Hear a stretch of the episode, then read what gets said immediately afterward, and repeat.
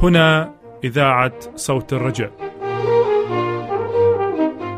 أهلا وسهلا بكم أعزائي المستمعين إلى بثنا اليومي باللغة العربية.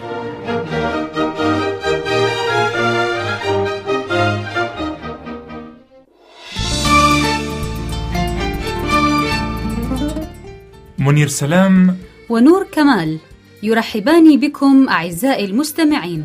من وراء ميكروفونات صوت الرجاء. وسنرافقكم خلال برنامج اليوم. متمنين لكم معنا أسعد الأوقات وأمتعها.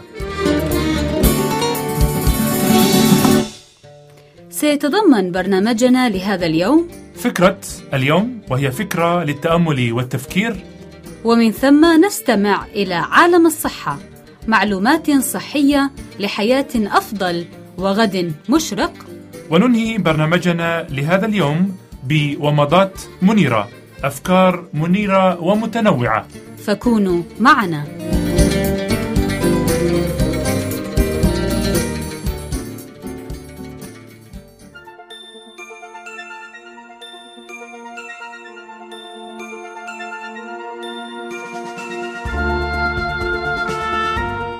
فكرة اليوم.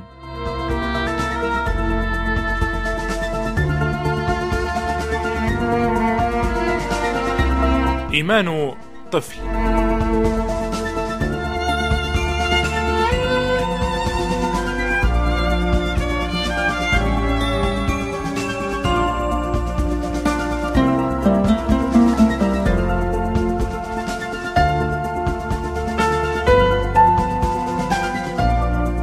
أحلى تحية يقدمها منير سلام لكم أعزائي المستمعين مع برنامجكم فكرة اليوم وسنعالج فكرة اليوم بعد هذا الفاصل الموسيقي. فأهلا وسهلا.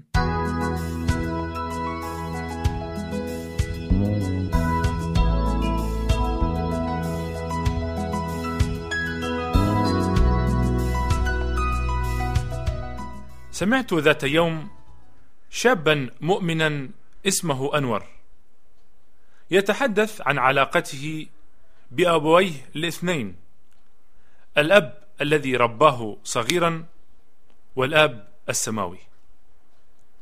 اولا وصف أنور ثقته بأبيه الأرضي بأنها بسيطة وغير معقدة فكان يتوقع من أبيه أن يصلح الأشياء المعطلة ويزدي إليه بالنصائح. ولكنه كان يخشى جدا أن يتصرف على نحو لا يرضي أباه لأنه غالبا ما ينسى أن محبة أبيه ومغفرته كانت دائما تعقبان استياءه. ثم مضى يقول ومن جراء بضع سنين أفسدت أمورا كثيرة وأسأت إلى أشخاص كثيرين من جراء ذنبي. قطعت علاقة سعيدة وبسيطة بأبي السماوي. لقد نسيت أن في وسعي أن أطلب إليه إصلاح ما أفسدته وأن ألتمس نصحه. وتوالت السنون حتى غدا أنور في الأخير تواقا إلى الله. ومع ذلك سأل نفسه عما يفعل. عندئذ قال له شخص عبر لله عن أسفك وأنت تعني ما تقول. لكن أنور بدلا من ذلك راح يسأل أسئلة معقدة منها كيف ينفع هذا؟ وماذا لو؟ ووى إلى آخره من هذه الأسئلة.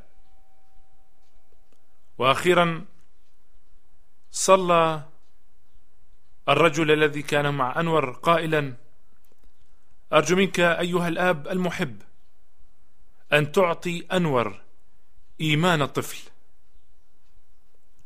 وفيما بعد شهد أنور بفرح قائلا لقد فعل الله ذلك.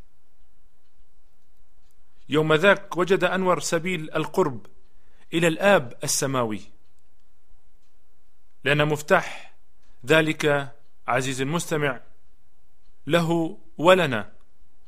هو أن نمارس ايمان طفل بسيط غير معقد. نعم عزيزي المستمع لقد قال السيد المسيح إن لم ترجعوا وتصيروا مثل الأولاد فلن تدخلوا ملكوت السماوات. حقا إن الإيمان يشرق أقوى إشراق في قلب مثل قلب طفل فهل سيكون لك إيمان طفل بأبيك السماوي؟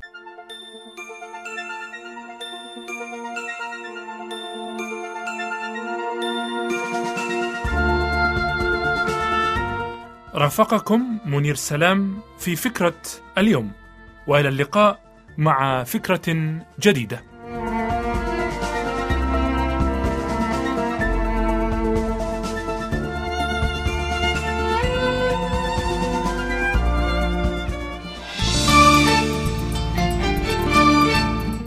عزيزي المستمع، إذا أردت الكتابة لنا فاكتب لنا على العنوان التالي: صوت الرجاء صندوق بريد 503 الرمز البريدي 1211 جنيف 12 سويسرا.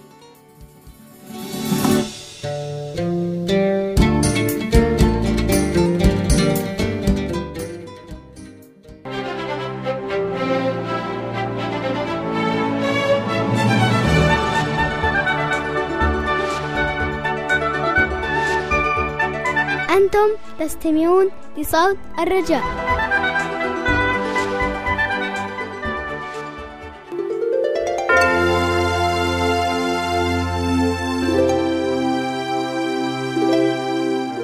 عالم الصحة.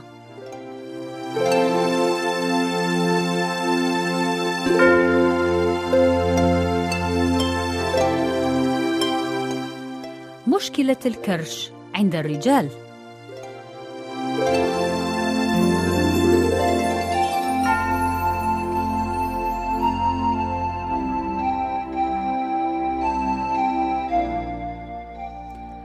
أعزائي كثيرا ما يسأل المصابون بالكرش من الرجال ما السبب؟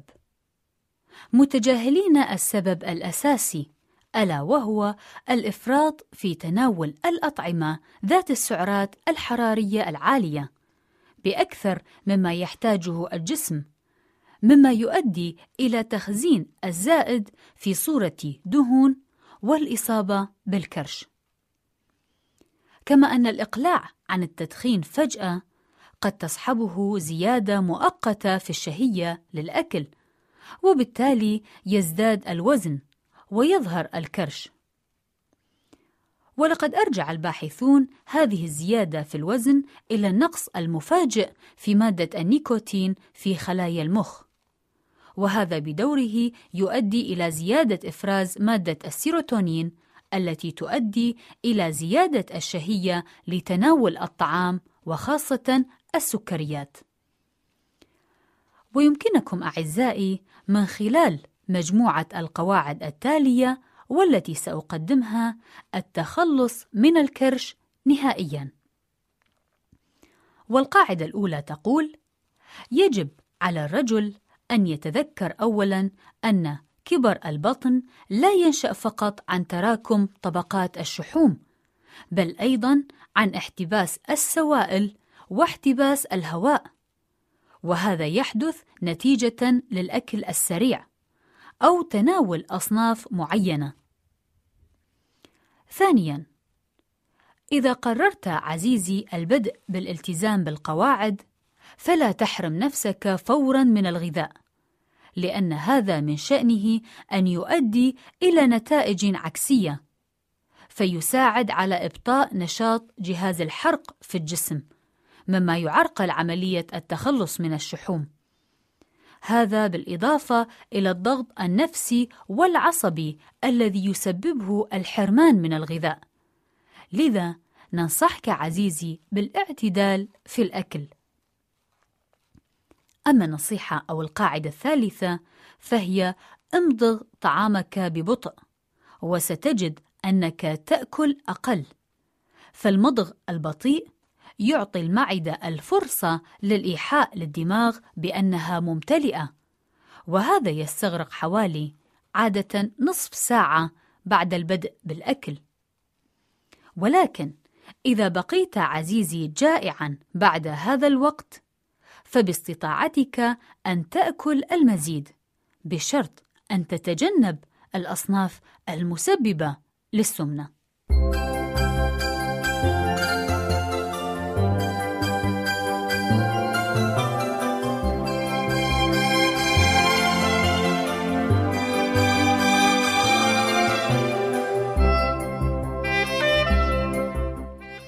أما القاعدة الرابعة عزيزي المستمع فتقول: دقق جيدا في إحساسك بالجوع قبل أن تأكل. هل هذا الإحساس هو إحساس حقيقي أم وهمي؟ اشرب الماء أولاً أو تحدث مع أحد أو افعل أي شيء آخر. فإذا نسيت الأكل فمعنى ذلك أنك لم تكن حقاً جائعاً. القاعدة الخامسة تقول: ابتعد عن تناول النشويات التي مصدرها الحنطة كالمعكرونة والخبز الأبيض. واقتصر على الرز والبطاطا والشعير والمعكرونة المصنوعة من دقيق الذرة. القاعدة السادسة قوي عضلات البطن بممارسة التقليص والانبساط. والذي يمكن أن تقوم به أثناء المحادثة على الهاتف أو عند أدائك لبعض الأعمال. ولو فعلت ذلك لمدة عشرة دقائق يومياً، فسيتحسن مظهر بطنك. سابعاً: احذر أن تبدأ مشوار التخلص من الكرش بالاعتماد على الرجيم فقط دون الرياضة، حتى لا تصاب بترهل الجلد وضعف العضلات. ثامناً: احرص على تناول الخضروات الطازجة مثل البقدونس والكرفس والخيار والخس، فتعطيك هذه الخضروات الإحساس بالشبع. تاسعاً: احرص على تناول الفاكهة ذات السعرات الحرارية المنخفضة مثل الجريب فروت والشمام والتفاح وتجنب تناول العنب والتين والبلح لأنها غنية بالسعرات الحرارية العالية. أما القاعدة العاشرة فتقول: احذر تناول الفاكهة المجففة مثل التين والمشمش لأن سعراتها الحرارية تكون عالية. النصيحة الحادية عشر هي الابتعاد عن تناول التسالي مثل الفول السوداني والمكسرات والمياه الغازية وشوكولا.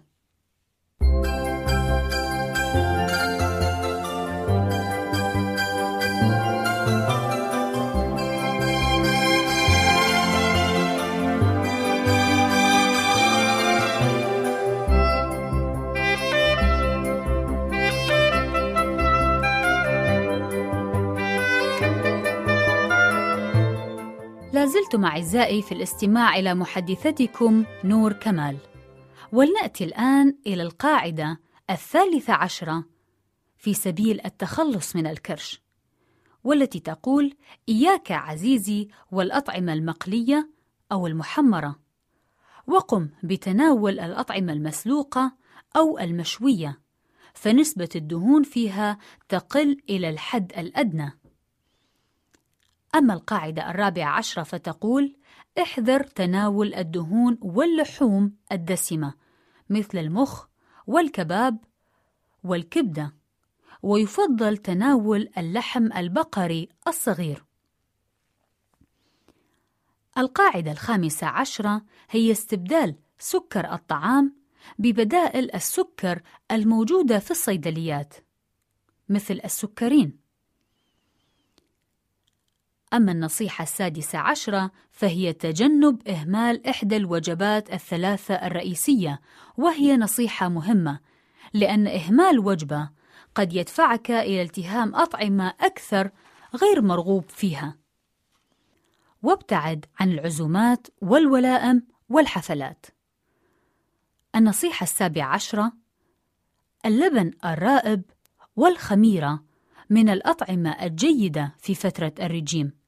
فاحرص على تناولها لتحافظ على نضارة وجهك وبريق عينيك أما القاعدة الثامنة عشرة فهي عند ثبوت وزنك وعدم نزول كرشك رغم الالتزام بالرجيم فعليك بأخذ إجازة لمدة 48 ساعة وتناول ما طاب لك ثم العودة إلى الرجيم من جديد.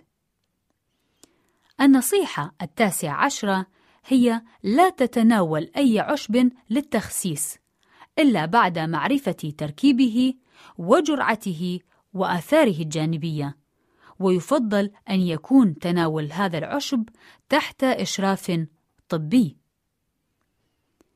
أما النصيحة العشرين فهي الحرص على نزول الكرش تدريجياً، وتجنب النزول السريع، لأن ذلك قد يؤدي إلى كثير من المضاعفات التي تضر بك. القاعدة الحادية والعشرين تقول: قلل قدر الإمكان من الأطعمة المعلبة والمحفوظة لمدة طويلة. وآخر هذه القواعد هي: يجب تناول الطعام وأنت جالس عزيزي المستمع، لأن الأكل في وضع الوقوف يؤدي إلى الزيادة فيه، ويجب أن تكون الركبة قريبة من الصدر عند تناولك للطعام. أرجو أن تساعدك هذه القواعد في سبيل تخلصك من الشحوم المتراكمة في بطنك، مع أمنياتي لك بكل النجاح في سعيك هذا.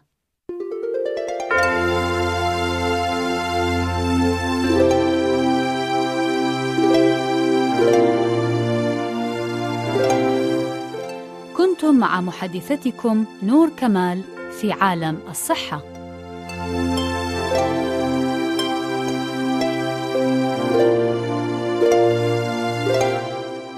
إذا كان لديك عزيزي المستمع عزيزتي المستمعة أي سؤال أو استفسار أو حتى اقتراح فأرجو الكتابة لي شخصياً على عنوان البرنامج الذي ستسمعونه في نهاية البث.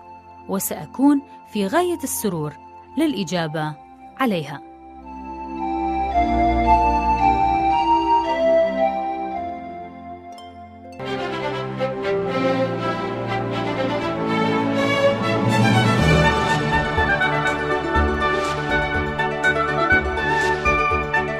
أنتم تستمعون لصوت الرجاء.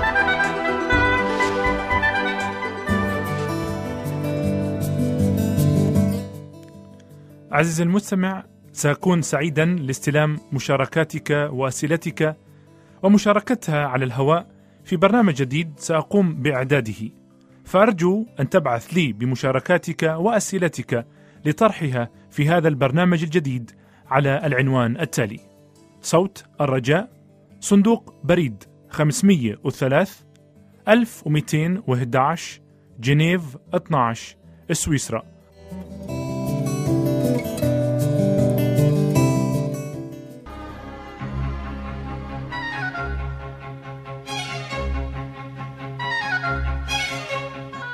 ومضات منيرة. برنامج أسبوعي يقدمه منير سلام.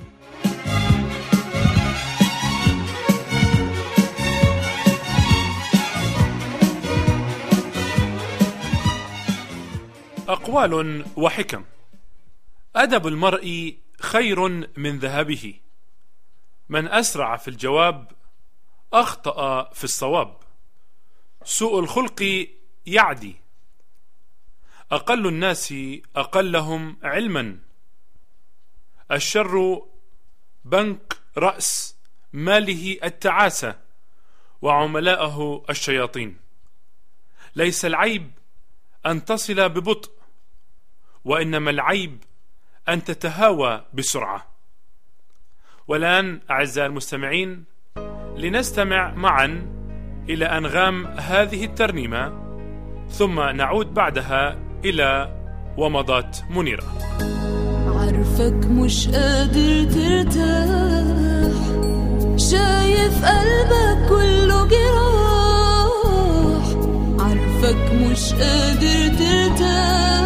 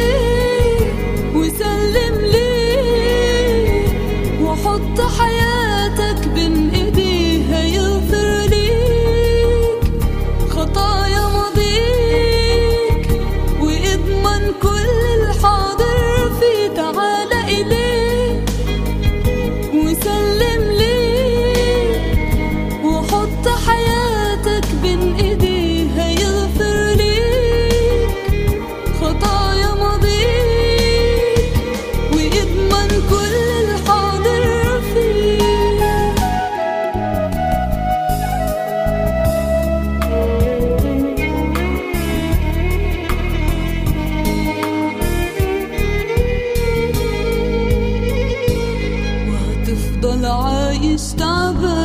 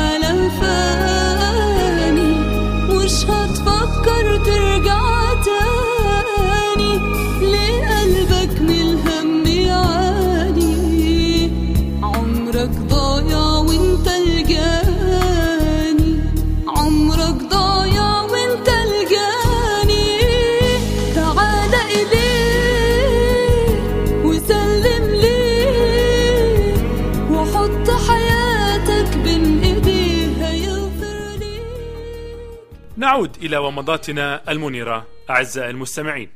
ونعود إلى أقوال وحكم. فالنجاح خطوة فخطوة أفضل من النجاح المفاجئ. ليست الشجاعة أن تقول كل ما تعتقد بل الشجاعة أن تعتقد كل ما تقول. إن سر الإحساس بالشقاء هو أن يكون عندك وقت فراغ تتساءل فيه عما إذا كنت سعيدا أم لا.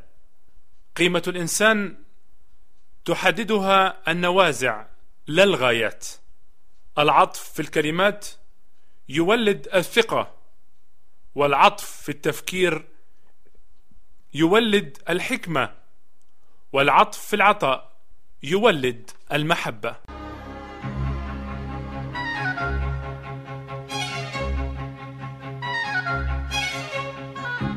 شكرا لمرافقتكم أعزائي المستمعين في حلقة اليوم من ومضات منيرة وإلى اللقاء مع ومضات جديدة.